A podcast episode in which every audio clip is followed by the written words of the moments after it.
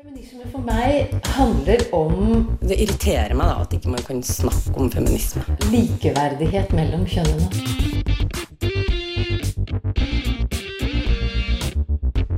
Det blikket på kvinnen på film. handlet det om å bli tatt på alvor som jente. Du hører på Et eget rom på Radio Nova. NRK sin eh, dokumentar 'Kjønnskampen' har skapt debatt om hvorvidt feminismen gjør nok for menn. Den har bl.a. fått kritikk for å sette rettighetskampen til menn og kvinner opp mot hverandre. Men hva er egentlig mannens plass i feminismen?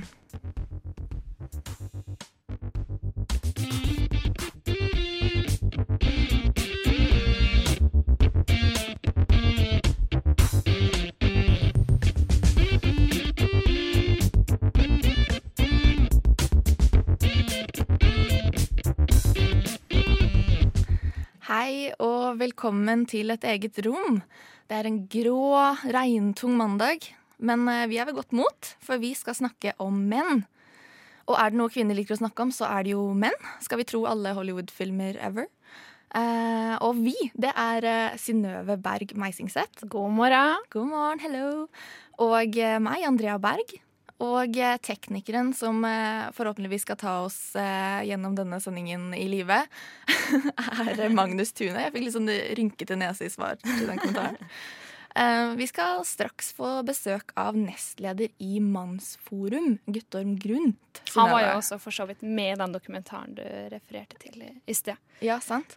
For vi skal snakke om menn eh, i feminismen. Eh, og dette har vi prøvd å få til en gang før, for et par uker siden. Ja, prøvde å få til en lignende, eller egentlig identisk sending, men det gikk ikke så bra. Hvorfor gikk ikke det så bra?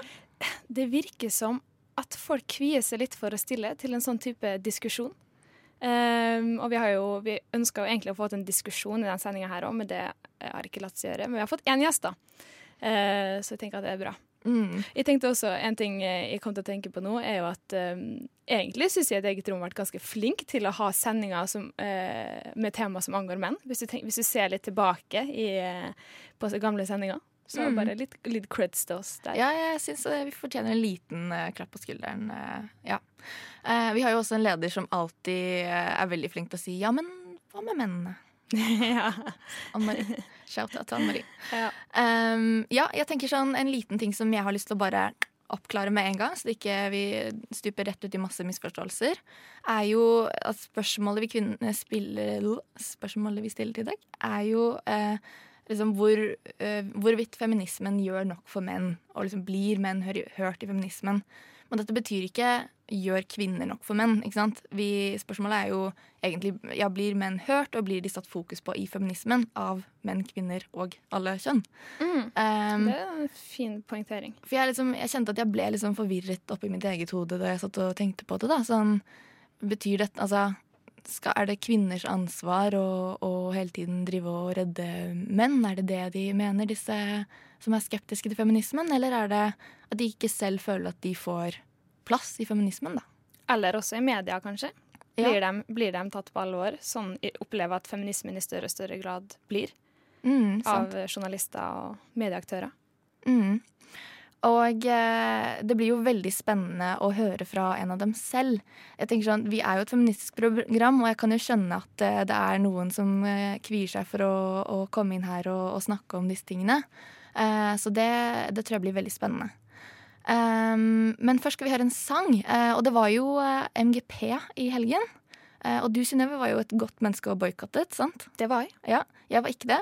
Nei, var det ikke det? Eh, ja, nei, jeg skammer meg ekstremt mye. Eh, men jeg, var veldig, jeg husker ingenting av det. Jeg var veldig full gjennom hele, hvis det hjelper. Du, du tok en dag nummer to etter 17. mai, du. Oh, yeah, og jeg festet også 16. mai, Å, så jeg er veldig stolt av meg selv, og litt svimmel fortsatt. ja. Kommer det enda? Ja, Men for å feire denne skamfulle eh, tingen, eh, så skal vi høre på bandet Tel Aviv med Bisso Bissou.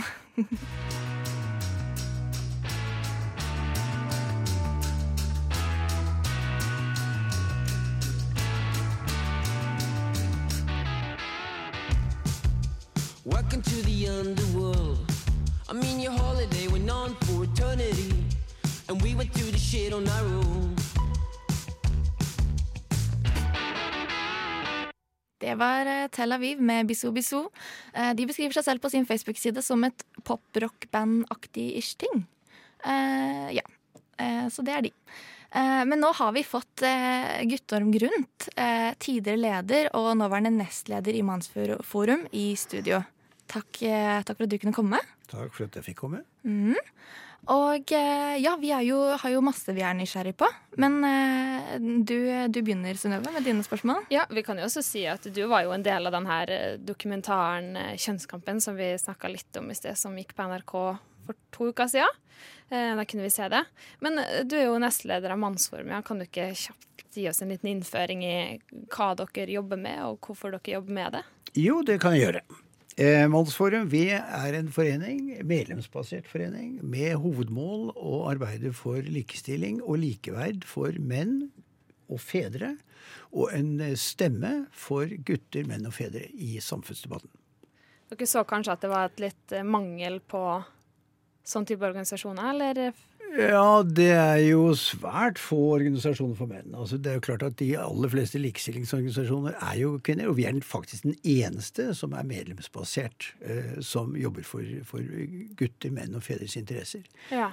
Og eh, det, det første organisasjonen som faktisk gjorde det, var vel Krisetelefonen for menn, som ble startet opp for eh, ja, mange år siden, la oss si 40, 40 år siden. Eh, og eh, ut av eh, Krisetelefonen for menn, hvor jeg var telefonvakt i sin tid, så kom også mm, Reform. Altså vi, vi startet opp Reform, som ble ressurssenter for menn. Og meningen var jo at de skulle ta opp likestillingsspørsmål også for menn og, og fedre.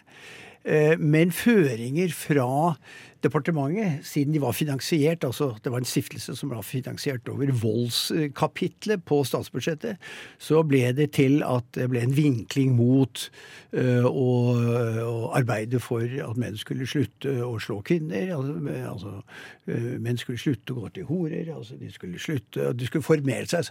Så i grunnen så ble reformere mer sånn De skulle reformere mannen. ikke sant? Og det er klart at da var det en god del menn som eh, ikke gikk inn i det, fordi at de satt ikke eh, mange vanlige menn, og særlig fedres spørsmål og utfordringer på dagsordenen. Ja, riktig. Eh, dere nevner ofte ordet fedre. Ja. Er det en spesiell grunn til det? Ja, det er en grunn til det. Grunnen er nemlig at eh, de aller fleste av våre medlemmer er fedre som har opplevd samværssabotasje. Det kan jeg nevne det at vi har hatt sending om. Ja. Ja. For er det noe som mobiliserer menn, og, og det, er, det ser ut til å være veldig lite som mobiliserer menn, egentlig. Altså. Det er ikke lett. Da har vi en liten telefon som eh, ringer. Litt sånn pausemusikk. Ja, sånn- eh, fin, den. Der. Christ. Ja, ja. Eh, Nei, er det noe som mobiliserer menn, så er det jo da særlig hvis de blir hindret fra å, å eh, se og være sammen med sine barn.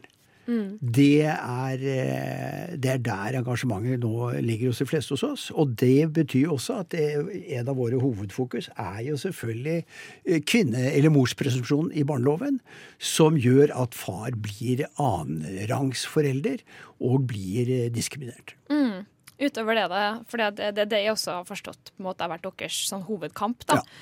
Samværssabotasje. Er det noen saker utover det dere eh, prøver å få på dagsorden? Ja, altså det ligger jo i det med barneloven at vi også ønsker delt bosted etter samlivsbrudd. Eh, når far nå først har fått like stor eh, foreldrepermisjon som mor, ikke sant? Altså det er, en anerkjennelse at far er en viktig, like viktig for barna som mor. Så ser vi at etter samlivsbrudd så, så teller det ingenting. Da er det i i 90% eller 85% av tilfellene, så går, hvis det ikke blir delt bosted, så, så går barna til mor. Og så er det mor som får barna. Og, så, og da er det en rekke I den kampen om barna etter samlivsbrudd, så brukes det ofte en del skitne triks mot fedre. Som, øh, og med passiv støtte faktisk fra barnevern eller familievernet og apparatet. Så, øh, så kommer fedre dårlig ut. Og da ser vi også at da kommer gutta dårlig ut. Jenter også savner en far hjemme ofte, og har godt av å ha en far hjemme. Eller iallfall ha delt bosted med far. Det er jo egentlig en litt sånn reaksjonær tanke at, at barn alltid skal være med mor, sånn egentlig. En litt sånn konservativ Ja, vi sy Det henger jo igjen fra tidligere historie, hvor, eh, hvor det var menn som jobbet, og da var, det, da var mor hjemme med barna, da var hun den beste, og dermed så skulle det liksom eh, gå til mor. Mm. Jeg lurer også litt på, og Dere har eh, også referert eller diskutert det her, likestillingsloven. Ja. Og den formålsparagrafen hvor det står at loven tar særlig sikte på å bedre kvinners og minoriteters stilling. Og så står det selvfølgelig litt mer, da. Men det har dere reagert på? Ja, det er jo en kvinnepresumpsjon som ligger i den loven, ikke sant? Og, og det er klart at som faktisk hun lederen for eh, NHO, eh, Skogen Lund, sa på eh, Brennpunkt-programmet, så sa han at det er jo faktisk en diskriminering av menn. Og det reagerer vi også på, selvfølgelig. Og, vi ser jo også at eh, likestillingslovens kvinnepresumpsjon er jo premisser for hele likestillingsdebatten i Norge. ikke sant? At kvinner er det undertrykte kjønn, og kvinner må hjelpes frem. ikke sant? Og det, det fører nå til at mange av de tiltakene som ble satt i verk for å skaffe eh, kjønnsbalanse der hvor kvinner var i mindretall, det har jo nå ført til at det er flertall kvinner, ikke sant? Eh, for den favoriseringen av kvinner fortsetter jo etter at det er oppnådd kjønnsbalanse. Et godt eksempel på det er jo Universitetet i Oslo, hvor det nå er dobbelt så mange kvinner som eh, menn som studerer, ikke sant? Og, og likevel så er det langt flere studier hvor kvinner blir gitt tilleggspoeng for å komme inn i Universitetet i Oslo, enn menn. Menn blir jo bare tillatt og gitt noen ekstrapoeng når det gjelder veterinærfaget, og det er for så vidt flyttet ut av Universitetet i Oslo. Men det er jo ikke til å tro at det er viktigere for samfunnet at det er flere menn som steller kuer og bikkjer og katter, enn å stelle barn og undervise barn og, og, og så videre i å bli psykologer og leger. ikke sant? Så der ligger det også en sånn urettferdighet som vi reagerer sterkt på. Det er riktig. Ja, så dere er på en måte ikke For jeg antar at mange mener at uh, grunnen til at kvinner er nevnt, er fordi at de kanskje er eh, ekstra utsatt for kjønnsdiskriminering, da, men dere er ikke helt med på det premisset, da, på en måte. Sånn jeg Nei, men vi ser jo at sånn var det en gang. Når likestillingsloven kom, når eh, likestillingsombud-embetet ble etablert, så var det jo sånn. ikke sant? Da var det om ikke Altså, du kan si det, Vi definerer likestilling som like mulige rettigheter, plikter og muligheter. ikke sant? Og vi var kommet veldig langt allerede på 70-tallet. Men det hang igjen. eh, Jeg tror, jeg tror at odelsloven hang igjen, og et par andre altså, militære. ikke sant? Det var menn og ikke kvinner som tok eh, tok militærtjeneste. Men, men etter det så har det jo endret seg. Og, og vi, men likevel så var jo den kjønnsubalansen hang jo igjen i deler av samfunnet. Så gjennom favoriseringen av kvinner i likestillingsloven, som jeg sier, så har man kommet dit at det har man nå passert kjønnsbalanse i og blitt til kvinneflertall i store deler av samfunnet. Uten at man tar bort den favoriseringen av kvinner i likestillingsloven av den grunn.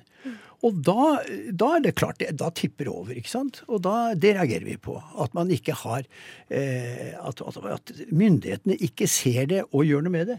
Faktisk så ser de det, Ja, men de vil likevel ikke gjøre noe med det. Jeg tror det har vært et forslag på Stortinget om å gjøre den eh, bestemmelsen eh, nøytral. Jeg tror ikke det har kommet gjennom, men jeg mener det har vært et forslag. Det har du helt rett i, og det var Fremskrittspartiet som fremmet det under Horne. Og det for oss er jo det tragisk. Ikke jeg skal ikke si noe stygt om Fremskrittspartiet, men, men jeg, jeg ligger jo ikke der, og mange av våre medlemmer er jo ikke der i det hele tatt. ikke sant? Ja. Men at ikke de sosialistiske eller sosialdemokratiske og de andre borgerlige partiene går inn for det samme, det skjønner vi ikke. Nei. Og det er jo med på å føre mange menn som reagerer på dette her, inn i et parti hvor det faktisk det er kanskje det eneste de er enig i, det er at man skal ha like, altså fjerne uh, kvinnefavoriseringen i likestillingsloven. Ja, Så her syns jeg partiene burde våkne opp litt og se at dette går helt feil. Jeg har et sånn siste spørsmål. Uh, mener du at kan man på en måte mm, Eller er den feministiske bevegelsen av kvinnesaker sånn, står de i på en måte kontrast eller motpol til det dere driver med? Eller eh, trenger man begge? Ja, øh, det, er to sider ved det. Det ene er at vi ser jo at feminismen har skaffet kvinner likestilling. Og nå også favoriserte posisjoner i store deler av samfunnet. Ehm, så det har virket veldig bra for kvinner. Men har også hatt noen fordeler av det. Blant annet dette med farspermisjon, eh, pappapermisjon, og eh, en oppvurdering av den farsrollen, det tror jeg har ligget i kjølvannet av feminismen. Eh, sånn at eh, det er en positiv ting. Og på mange arbeidsplasser som før var mannsdominerte, hvor det nå er mer eller mindre kjønnsbalanse, er det veldig fordel. Det er bedre arbeidsmiljø med, med begge kjønn. ikke sant? Men det vi reagerer på, det er jo det at Og det sier seg selv. Eh, feminismen basert på ordet femina, som betyr kvinne på latin. Så det er jo en ideologi, for, kjønnsideologi for kvinner. Uh, og, og, det utelukker at man på, ved siden av kan drive mannskap? Ja, for hvis du ser nå, se på de politiske partiene på Stortinget. Hvor mange av de har eh, kvinnenettverk? Jo, det er åtte av ni partier. Hvor mange av de har mannsnettverk? Ingen. Men er det feminismens feil at det ikke finnes mannsnettverk?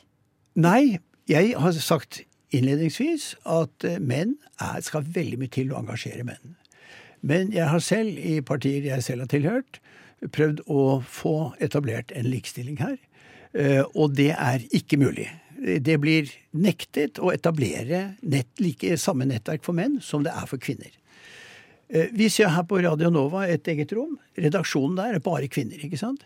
Så hvis du mener at, eller dere mener at, at, at uh, feminismen er også en manns, en likestillingsideologi for menn, hvorfor er det da bare kvinner her? Uh, så jeg tror jeg, Etter mitt skjønn så har ikke feminismen inkludert menns interesser eller menns utfordringer i sin ideologi, og, og da må menn gjøre det. Det får... og, det syns jeg er helt i orden. Ja, Det får bli siste ordet. Ja. Nå skal vi høre 'Kamikaze Mushroom Palace' av Kainalu.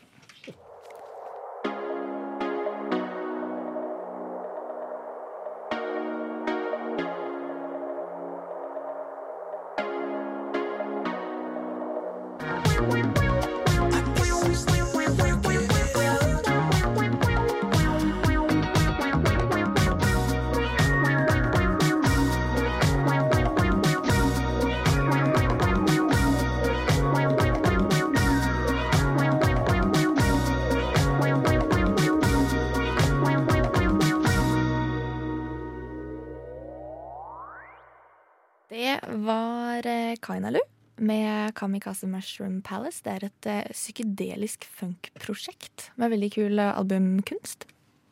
Um, ja. Nå, nå, skal vi få høre et, et uh, innslag her som Linda Ikke Rosenborg. Linda Therese Rosenberg. Berg, ja. Sant. Det er bra jeg har hjelp her. Eh, har laget. Eh, det handler om eh, Fredrik Virtanen, som har blitt omtalt som mannen som ble felt av medienes metoo-aktivisme. Nylig var han i Norge for å snakke om hvordan det var å være på den andre siden av medienes dekning. Linda sp stiller spørsmålet om eh, pendelen har svingt for langt i andre retning. Velkommen til Studio Virtanen med eh, Petit Moa. Det her er Fredrik Virtanen. Nu drunknar du igjen bakom mikrofonen. Men hva faen, hva gjør det da? Ja, men det er TV! Kjent som kulturjournalist og spaltist. Og han var også i flere år programleder i et eget program på TV. I oktober 2017 skriver spaltist og skuespiller Sissi Wallin på sin Instagram om at hun tidlig på 2000-tallet ble dopet og voldtatt av Fredrik Virtanen. Flere kjente kvinner sprer posten videre. Og raskt har en halv million mennesker sett posten. Kort tid etter blir også historien gjengitt i flere tradisjonelle medier. Dekningen av metoo, og særlig hendelsen knyttet til Virtanen, er vanskelig for de svenske mediene. Fredrik Virtanens fall ble et av de mest oppmerksommede under metoo-høsten forrige året. Men hva hender med historien når man går til botten med oppgiftene som publiseres? Dokumentaravdelingen i SVT bestemmer seg for å granske medienes dekning av Virtanen, noe som ikke går upaktet hen. Også i svenske medier er det ord mot ord når det gjelder hvordan mediene håndterte saken, og debatten fortsetter. Både om pressens rolle i saken og om selve dokumentaren vist på SVT de skulle, jag upprepar, granska medierna och hur de har agerat. Så, men istället så har man intervjuer med en person som anklagat en annan för våldtäkt och intervjuer med en person som blivit anklagad för våldtäkt. Kan det bli bra? I juni 2018 blir flere artikler felt i den svenske versjonen av Pressens faglige utvalg for brudd på god presseetikk. Virtanen, som fremdeles har et ønske om å forklare seg og å bli renvasket, anmelder Wallin for grov æreskrenkelse. Og i 2019 gir han ut boken Uten nåde, om det å stå i metoo-stormen. Det går ikke å stelle seg framfor et drev og tro at man kan få noen rettvis prøvning. Fredag 10. mai blir Virtanen intervjuet av den norske kommentatoren Eva Grinde fra en scene i Grieghallen i Bergen. Dette er hans sjanse til å fortelle norske mediefolk om hans egne opplevelser. Litt bak i salen sitter jeg. Virtanen får muligheten til å fortelle om sitt eget liv på den tiden møtet med Wallin fant sted. På starten av 2000-tallet lever han det han omtaler som et rockestjerneliv. Han bruker stadig narkotiske stoffer og drikker ofte mye alkohol. Som kulturjournalist og anmelder er han dessuten en maktfaktor i den svenske kultureliten. Han fester og har stadig sex med tilfeldige kvinner. Og om han oppfører seg direkte upassende overfor kvinner, så er det ingen som ber ham om å skjerpe seg, og sex får han uansett. Som da han spurte tre kvinner på et utested om han kunne være med på horefesten. For meg som sitter i salen, oppleves historien som en stor ansvarsfraskrivelse. Retorisk spør ham hvordan skulle jeg forstå at det jeg sa om kvinner var upassende, når ingen sa meg imot, og det aldri fikk noen konsekvenser? For Virtanen er det viktig å få frem at han er uskyldig. Han er ingen voldtektsmann. Selv sitter jeg og lurer på om han egentlig forstår hva en voldtekt er eller kan være. Dersom han tenker at alle voldtektsmenn er grusomme og følelseskalde monstre. Og det er ikke han. Dessuten har han et kort i ermet. Valin anmeldte voldtekten i 2011. Saken ble henlagt grunnet manglende bevis.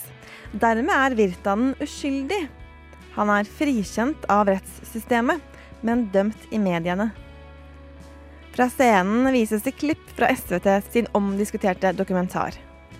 Klipp som får hodene rundt meg til å riste oppgitt over den dårlige håndteringen til svenske medier. Selv tenker jeg Betyr lite gjennomtenkte valg og dårlig håndtering i svenske medier det samme som at Virtanen ikke har gjort noe feil? For fra scenen så blandes det meste i én stor gryte. Virtanen er like uskyldig som mediedekningen var massiv og feil. Og selv om han innrømmer å ha gjort mye dumt tidligere i livet, er det vanskelig å bedømme hvor genuin angeren egentlig er. Jeg sitter og venter på at samtalen skal handle mer om sosiale medier. Rettere sagt om sosiale medier som kanal for å navngi personer som anklages for seksuelle overgrep, uten at de har mulighet til å forklare eller forsvare seg. Men alt handler om Virtanen. At han er feminist, samtidig som feminismen har fratatt ham mye humor. Som at han svarte en 14-årig beundrers hyllest med følgende så mye at du vil ligge med meg. En spøk, skal vi tro Virtanen. Men Eva Grinde slipper han likevel ikke så lett. Ville du svart det samme i dag? spør hun ham.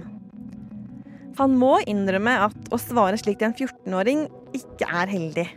Men til hans forsvar så visste han ikke at hun bare var 14 år. Ja er likevel svaret hans. Hadde det ikke vært for at feminismen har gjort denne typen humor til en uting, så kunne han lett svart det samme i dag. Jeg må innrømme at det er interessant å høre historien fra Virtanens side. Men følelsen av at dette er en person som velger å ikke forstå sine egne handlinger, er til stede både i tanker og følelser. Dette er tross alt hans forsvarstale. Og det handler lite om mediene, sånn egentlig. Det handler om ansvarsfraskrivelse. I Virtanen sitt liv så går det nemlig en tydelig linje mellom livet med fest og rus og det livet han lever nå. Og det er festen og rusen som skal forklare hvorfor han i mer enn ti år oppførte seg som en dust. Jeg tviler ikke på at denne mannen føler seg dømt i mediene. Men jeg har heller ikke vansker med å tro på Sissi Wallin etter å ha vært vitne til Virtanens opptreden. Ja, det var eh, Linda Therese Rosenberg som hadde laget dette innslaget med klipp, klipp fra SVT. Eh, og det er jo spennende. Eh, hva tenker du, Synnøve? Har vi en pendeleffekt her? Jeg vet ikke, jeg kom til å tenke på Giske-saken. Den er jo ganske forskjellig, for her, der har det ikke vært snakk om noen voldtekt, men mer på en måte trakassering, lettere trakassering. Eh, men også det her med media, da, eh, som jeg syns er Jeg står litt i spagat i. Fordi det blir et farlig samfunn hvis eh, media kan dømme en person, og ikke domstolene. Ja, ikke sant. Og så er det jo um, For argumentet mot det har jo vært sånn at uh, kvinner har ikke blitt hørt i det hele tatt når det har kommet til dette her gjennom hele verdenshistorien. Sånn at uh, det må være andre regler, da, på en måte. Um, men så har det jo også i Norge vært eh, eh, veldig omdiskutert i PFU og hva, hva, som har vært greit og ikke, da. Mm. og særlig når det har vært anonyme anklager, da. Ja, ikke sant. Kjempevanskelig. Mm. Men uh, før, vi, uh, før, vi, startet her, så snakket du litt om dette her med generalisering av, av menn mm. i metoo-debatten. Kan ikke du si litt uh, om det igjen? Nei, eller i, da metoo sto på sånn skikkelig, det var jo ganske lang tid, så kom det jo åpenbart også motreaksjoner. og det trenger man jo. Man trenger jo på en måte å korrigeres når man lar seg rive med i noe som egentlig Det var jo veldig viktig. Ekstremt, ekstremt viktig. Men da var det mange som pekte på at um, nå når vi snakker om mannskamp, da, at uh, man på en måte skjærer alle menn over én kam. Og lager et slags bilde av uh, at menn er overgripere, alle menn trakasserer. At man sånn sett mister kanskje nyansene. Jeg mener egentlig ikke det. Eller ja, men, men, det var i hvert fall en reaksjon da, som man kan lytte til. Det er jo veldig spennende nå at uh, vi har gått fra at uh, kvinnen har vært uh, offer i metoo ikke sant, og fortalt om sine opplevelser, til at man plutselig har fått menn da, som ofre. At, at, man har dette begrepet metoo-ofre som har blitt brukt mye. og um, Jeg vet ikke helt hvordan jeg skal forholde meg til det, fordi det må jo være helt jævlig å bli anklaget for metoo-ting. Og så er det jo også helt jævlig å oppleve metoo-ting. Det er akkurat det. Um, og det er på en måte ikke en unnskyldning for å drive dårlig journalistikk, uh, men uh, jeg er litt skeptisk til om jeg tror, tror helt på Virtanen sin um, Eller det er ikke nødvendigvis at jeg skal mene noe om det anklagen mot ham er sant eller ikke, men som Linda påpeker i sti, stikket sitt, da, så, nei, innslaget sitt, så på en måte er det er det noe med det, Skjønner han hva en voldtekt betyr? Skjønner han hvordan det oppleves? Og skjønner han hvor alvorlig noe som ikke for ham føles alvorlig, kan være for noen andre? Ja, og sånn, Han sa liksom at i, altså, en voldtektsmann er en forferdelig et monster. og så Ingen ser jo på seg sjøl som det, men du kan allikevel ha begått en, en veldig forferdelig handling, da. Og det er kanskje det viktigste metoo har gjort, da. Å prøve mm. å påpeke at helt uh, vanlige folk kan gjøre helt uh, jævlige ting mot andre mennesker. Men det jeg også husker fra reaksjonene i metoo, var jo at, uh, at det kom fram at også mange menn opplever seksuell trakassering fra kvinner, og andre menn for så vidt, som en slags sånn argument mot kampanjen. Jeg skjønte ikke helt. Altså, da, da blir det litt sånn som jeg føler ofte med mannskamp, da. at Uh, ja, men da, da, Det er ingen som hindrer dere. He, tvert imot, vi heier fram at dere også kommer med deres historier, men det kan ikke være et argument mot at kvinner gjør det. på en måte. Det kan ikke stilles opp mot det. Det må mm. være plass til begge, og da vil jeg tørre å påstå at menn kanskje må organiseres litt. Ja, og det er jo et stikkord. Vi skal snakke mer om det. Vi skal straks gå nærmere inn på det som har vært den store debatten den siste uken, nemlig NRK sin dokumentar 'Kjønnskampen'. Men uh, først så skal vi høre fra Fem på gata, eller uh, egentlig Syv i Majorstukrysset, om hva de tenker om dagens tema. Tenker dere at uh, feminisme er opptatt av menn? ja, jeg, alt det som jeg har sett, så jeg, tror jeg faktisk det. for det meste i Norge i hvert fall, så er det mer, mer, da er det mer åpent for at det er begge sider for feminisme i forhold til la oss si USA eller hva annet. da.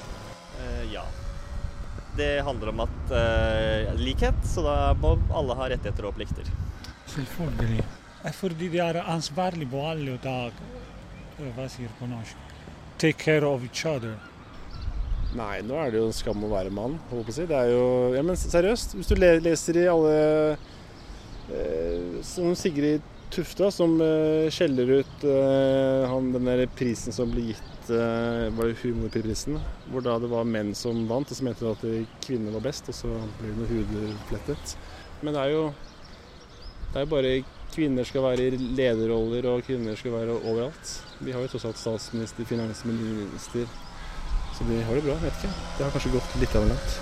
Ja, at jeg syns kvinner er flinkere å vise eh, offentlig da, hva de synes når det kommer til dette. Kanskje flinkere til å liksom collaborate da, og, og gå sammen om det. Mens menn vi er ikke like flinke til det.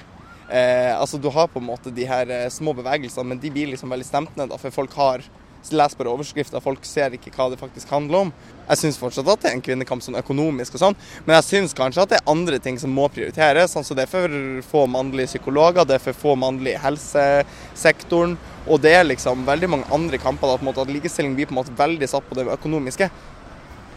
Altså, Jeg aner ikke. Jeg har ikke tenkt så mye på det her, jeg, for å si det sånn. Ja, det var eh, Ja, Majorstuekrysset har talt. Eh, Hva syns du om svarene, Synnøve? Jeg var litt blanda. Jeg jeg hengte meg litt opp i han som refererte til Sigrid Tufte. Eh, Jeg tror han mente Sigrid Bonde Tusvik. Ja. Eh, jeg tipper også det. Eh, mm, mm. Hva eh, tenker, du, tenker du at dette her er liksom virkeligheten? At, uh, at vi ikke inkluderer menn? Nei, altså, eh, tenker du at det er representativt da, til utvalget? Egentlig, for det var litt splittende meninger. Noen uh, sa jo ja, ja, feminismen er for alle, mens andre sa nei, menn har blitt glemt. Mm. Uh, mens eh, noen sa jeg har ikke peiling. Så jeg tenker det er ganske representativt, egentlig. Sant? Jeg ble egentlig overrasket over eh, at folk eh, turte å si, eh, si nei til meg. Eller sånn at jeg Ja. liksom eh, marsjerer bort til noen, en mann i gata, liksom veldig åpenbart en feministisk eh, jente ute på tokt, liksom. Og de bare Ja, ja, det, vi har jo statsminister og alt mulig. Altså, da har ikke kvinnene fått nok nå? Jeg skjønner ikke. Nydelig. Ja. Nei, men eh, nå skal vi få høre noen klipp eh, fra, eh, fra en debatt i NRK. Eh, eh, En dokumentar. En dokumentar, ja. En dokumentar, ja. Ikke fra Dagsnytt 18, men fra Kjønnskampen i NRK. Det finnes også en annen fortelling om Norge. Om gutter og menn som opplever å bli diskriminert. Eh, Det er for å sette lys på menns situasjon i Norge i dag. Ikke minst hvordan blir menn omtalt. Eh, At vi skal bruke så mye spalteplass på å diskutere hvorfor ikke flere kvinner har lyst på en topplederjobb. Et- et- Det er, er mer alvorlig, et større samfunnsproblem, vil jeg påstå, at gutter er overrepresenterte på liksom, selvmordsstatistikker, og de dropper oftere ut av videregående.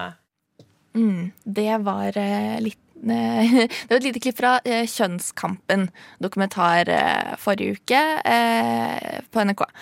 Og eh, Synnøve, du har sett litt på hva slags reaksjoner denne debatten har fått. Ja. Jeg var egentlig veldig spent da den kom. Og var sånn, ok, Det heter Kjønnskampen, hva kan det her være? liksom?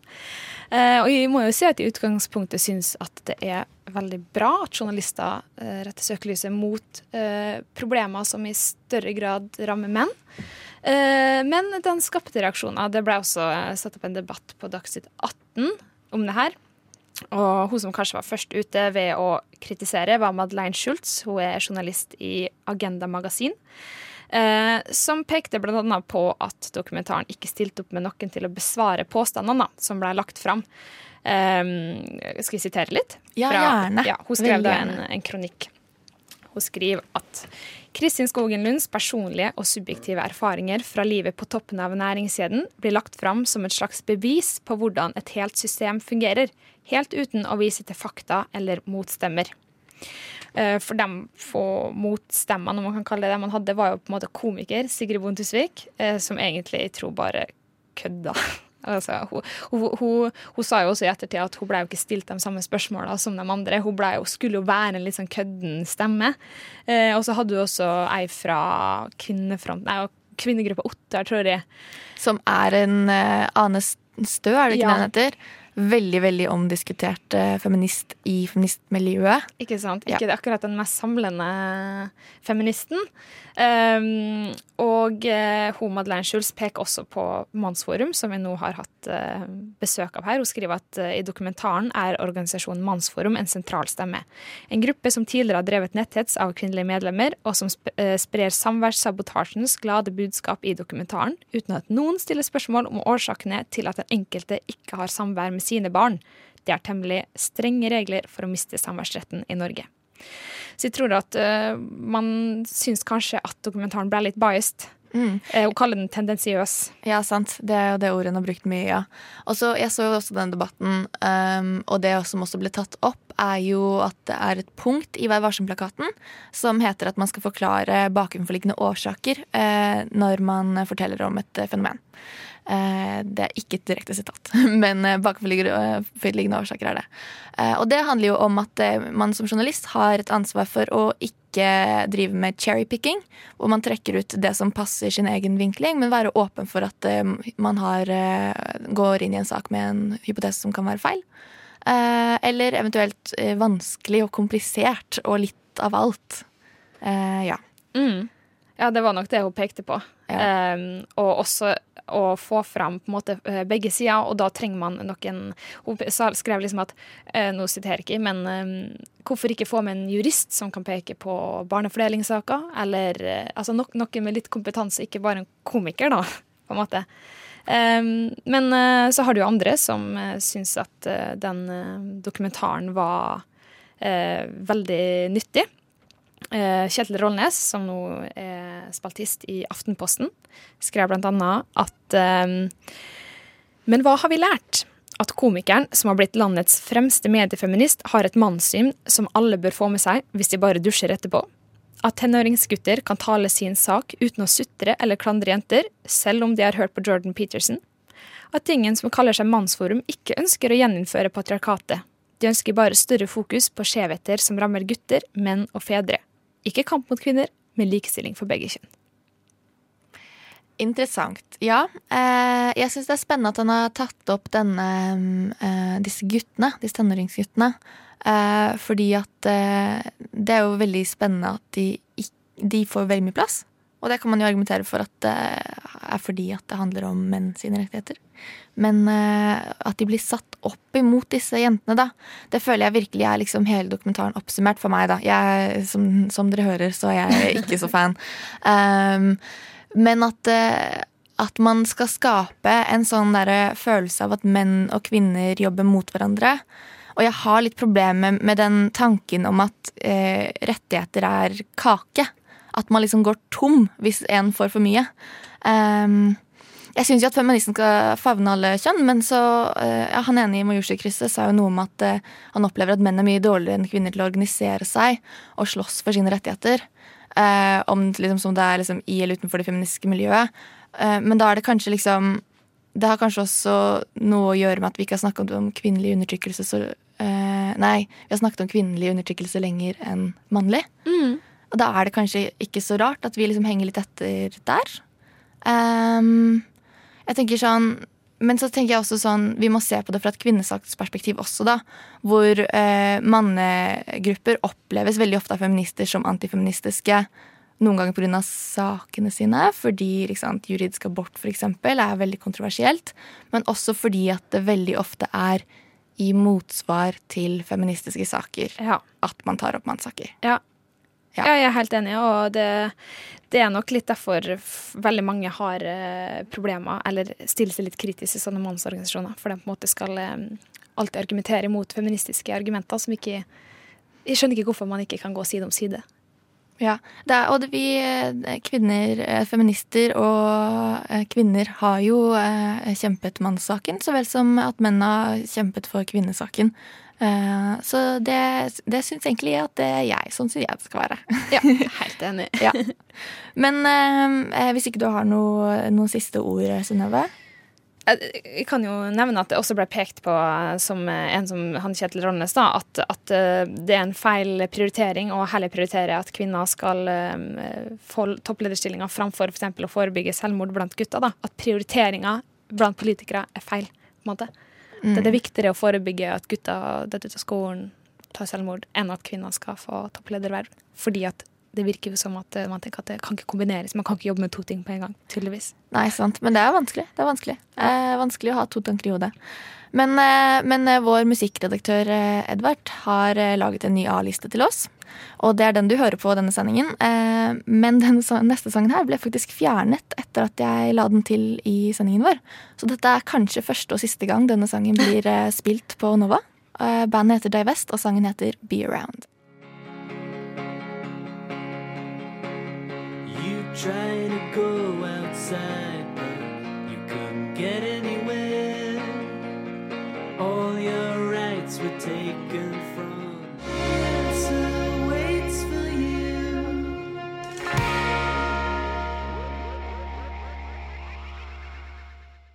Det var eh, Divest med Be Around. Eh, og eh, ja. Eh, vi kan jo liksom ikke gå gjennom dagens sending uten å snakke litt om hva Altså mennenes perspektiv. Vi skal få høre litt fra dem via deg, eh, Synnøve. Men først så vil jeg bare liksom eh, ta en liten sånn hva er det egentlig kvinner, eller feminismen, holde tungen rett i munnen her, har gjort for menn? Eh, og da kan vi jo nevne et par ting, i hvert fall. Eh, som er pappaperm. Det har vært eh, kjempet gjennom eh, først og fremst av den feministiske bevegelsen. Absolutt en mannerettighet. Kanskje ikke en typisk sånn som eh, 22 år gamle menn er opptatt av. Jeg vet ikke. Men de kommer til å bli det på et tidspunkt. Ja. Mest sannsynlig. Ja, sant? Eh, altså, eh, så har vi jo abort, som er en eh, typisk kvinnerettighet blir sett på, men også en mannerettighet. Menn i Norge har ansvar for å forsørge sine biologiske barn økonomisk. Eh, uavhengig om de ville ha barn eller ei. Eh, og å kunne eh, eh, ta abort er jo fint, hvis man ikke vil ha et barn. Så kan man diskutere hvor mye menn får ha å si det. Men eh, nå husker jeg ikke statistikken på det, men eh, det er ganske mange av kvinnene som tar abort i Norge, som konsulterer eh, mann, biologisk far. Så det er jo fint. Og så er det jo liksom dette store vage med å kunne være feminin som mann. Eh, som helt fra vikingtiden har vært livsfarlig. Jeg, synes, eh, jeg lærte på forelesning her om dagen at hvis du melket en ku eh, som mann under vikingtiden, så kunne du bli drept for det. Slått i hjel.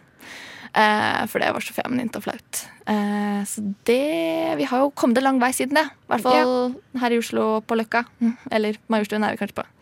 Ja, Eh, ja, men eh, Oslo ring, tre. Ja. Men ja, jeg er jo enig i at, eh, at eh, feminismen har jo prøvd, og jeg vil si også vellykka lyktes i å utvide på en måte normene for hva det betyr å være kvinne, men også hva det betyr å være mann.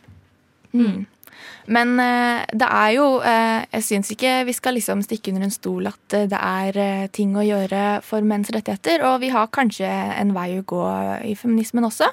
Du har snakket med noen av dine kompiser, Synnøve. Ja, jeg var i en eh, bursdagsfeiring i går kveld eh, til ei venninne, vel å merke, men det var en del gutter der. Og så fikk jeg alle til å være stille, og så spurte jeg dem kan dere fortelle om dere har opplevd noe dere har oppfatta eller opplevd som kjønnsdiskriminerende, eller situasjoner hvor dere har følt at det har vært en ulempe å være mann. da. Eh, og først så ble det litt pinlig stillhet, men så kom historien fram. Ok, Så jeg skrev på notater på mobilen. Så han ene, eh, det er en gutt, mann på 22 år, han eh, fortalte om en samtale han hadde med ei venninne av seg. Begge dem to hadde til felles at de på videregående ungdomsskolen sov veldig mye på skolen. I alle timer, liksom. De, ja, av ulike grunner, da. Og det hadde de til felles, men det de ikke hadde til felles, var at hun hadde alltid blitt spurt av lærere hvordan går det med det. Har du det bra? Skal, er det noe du trenger hjelp til? Er det noe vi kan stille opp med, liksom? Han fikk bare kjeft.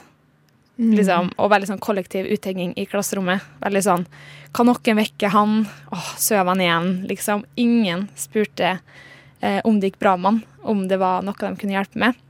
Det er jo et ganske tydelig eksempel som vi også kan se veldig for meg. da.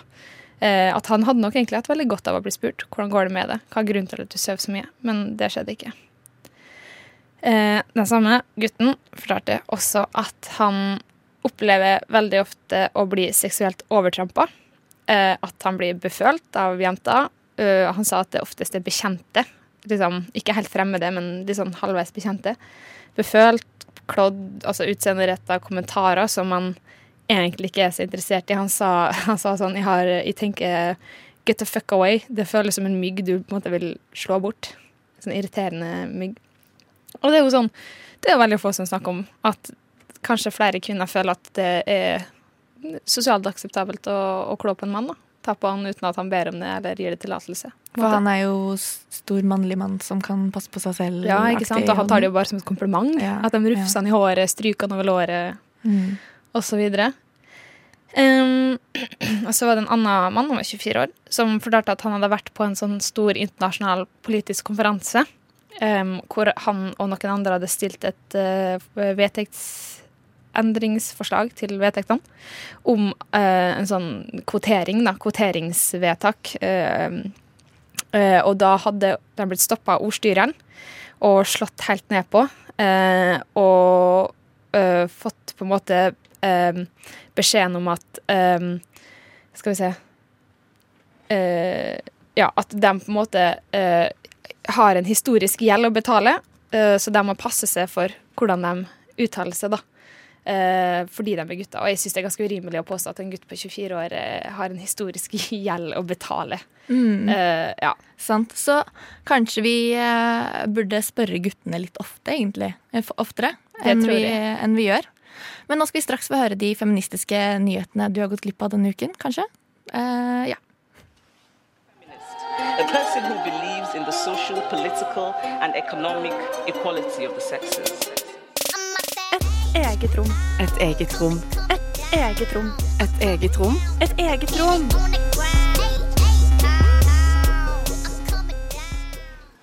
Ja, du hører på et eget rom, og her er de feministiske nyhetene du må få med deg fra uken som har gått. Eh, staten Alabama i USA har vedtatt landets strengeste abortlovgivning. Nå må aborten tas innen seks uker, altså før fosteret har fått en puls, og ikke engang voldtekt fungerer som unntak på denne loven. Dette til tross for at det i mange tilfeller er helt umulig å vite om man er gravid før uke tre, og det gjerne tar enda lengre tid før man oppdager det. Det spekuleres i om denne ekstreme lovgivningen har blitt vedtatt kun for å provosere seg opp til Høyesterett og utfordre Roe versus Wade, den historiske saken som i praksis gjorde abort til en rettighet i USA. Med Trumps eh, to nye konservative dommere i Høyesteretten er dette nå en reell mulighet. Og Alabama er ikke alene. Ifølge BBC skal det ha vært, blitt innført abortbegrensninger i 16 av 50 stater bare det siste året. Tirsdag forrige uke kunne Aftenposten melde at metoo har nådd Mekka. Hellige, det hellige pilegrimsmålet for alle verdens muslimer er like tettpakket med mennesker som det er kjent, og i det siste har historier kommet frem under hashtaggen eh, hashtag maskmetoo. Dette fikk nesten ingen oppmerksomhet i norsk presse, til tross for at det er 148 000 muslimer som er registrert i Brønnøysundsregisteret i Norge, ifølge tall fra 2017. Til slutt, det sitter en ny keiser på eh, krysantemumtronen i Japan, nemlig 59 år gamle Naruhito. Eh, dette har skapt fokus rundt det faktum at verdens eldste keisersete ikke tillater kvinnelige keisere. Dette har skapt et enormt press på den nye keiserens kone, Harvard-utdannede diplomat Masako Oada, om å produsere en mannlig arving. I 2004 fortalte hun offentlig at dette presset har gjort henne helt utmattet. Til dags dato har paret kun en datter, og tronen vil derfor gå videre til deres nå tolv år gamle nevø ved neste maktskifte. Japan har hatt åtte keiserinner, men siden 1889 har dette vært ulovlig. Loven ble foreslått revidert i 2005, men debatten stanset allerede i 2006, da prins eh, Hisahito, altså unge, keiserens unge nevø, ble født. Du som er sliten og sinna og lei. Nå vil vi synge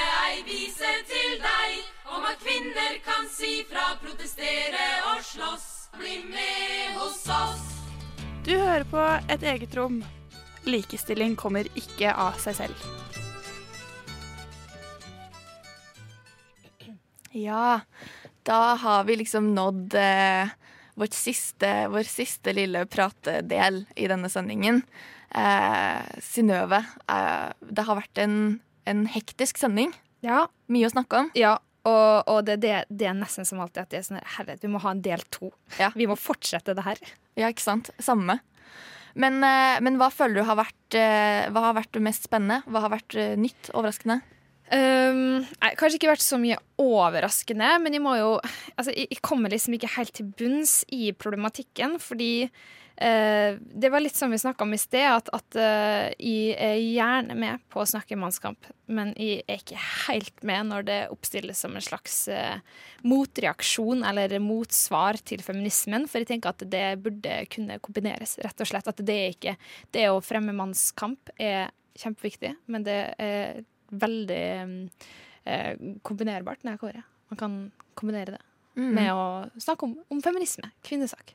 Jeg føler også at det er veldig det jeg sitter igjen med. Også. Altså, en sånn Jeg føler ikke at den dokumentaren er representativ for hvordan verken feminister eh, som er kvinner eller menn, opplever verden. da.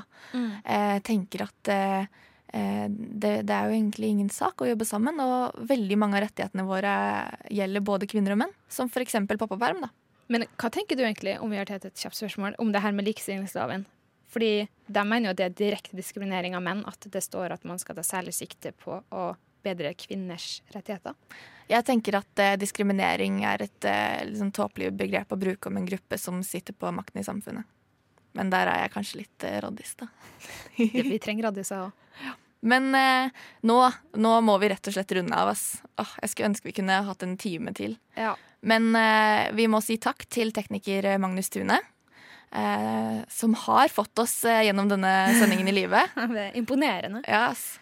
Eh, og vi må snakke eh, gjesten vår, Guttorm Gunt, Grunt. eh, og Linda Rosenberg, som lagde innslag. Eh, du har hørt lydklipp fra NRK og SVT. Eh, og i studio var Synnøve Berg Meisingseth og meg, Andrea Berg. Du har hørt en podkast fra et eget rom på Radio Nova. Vil du høre mer? Sjekk ut Et eget rom på Facebook, Instagram eller radionova.no.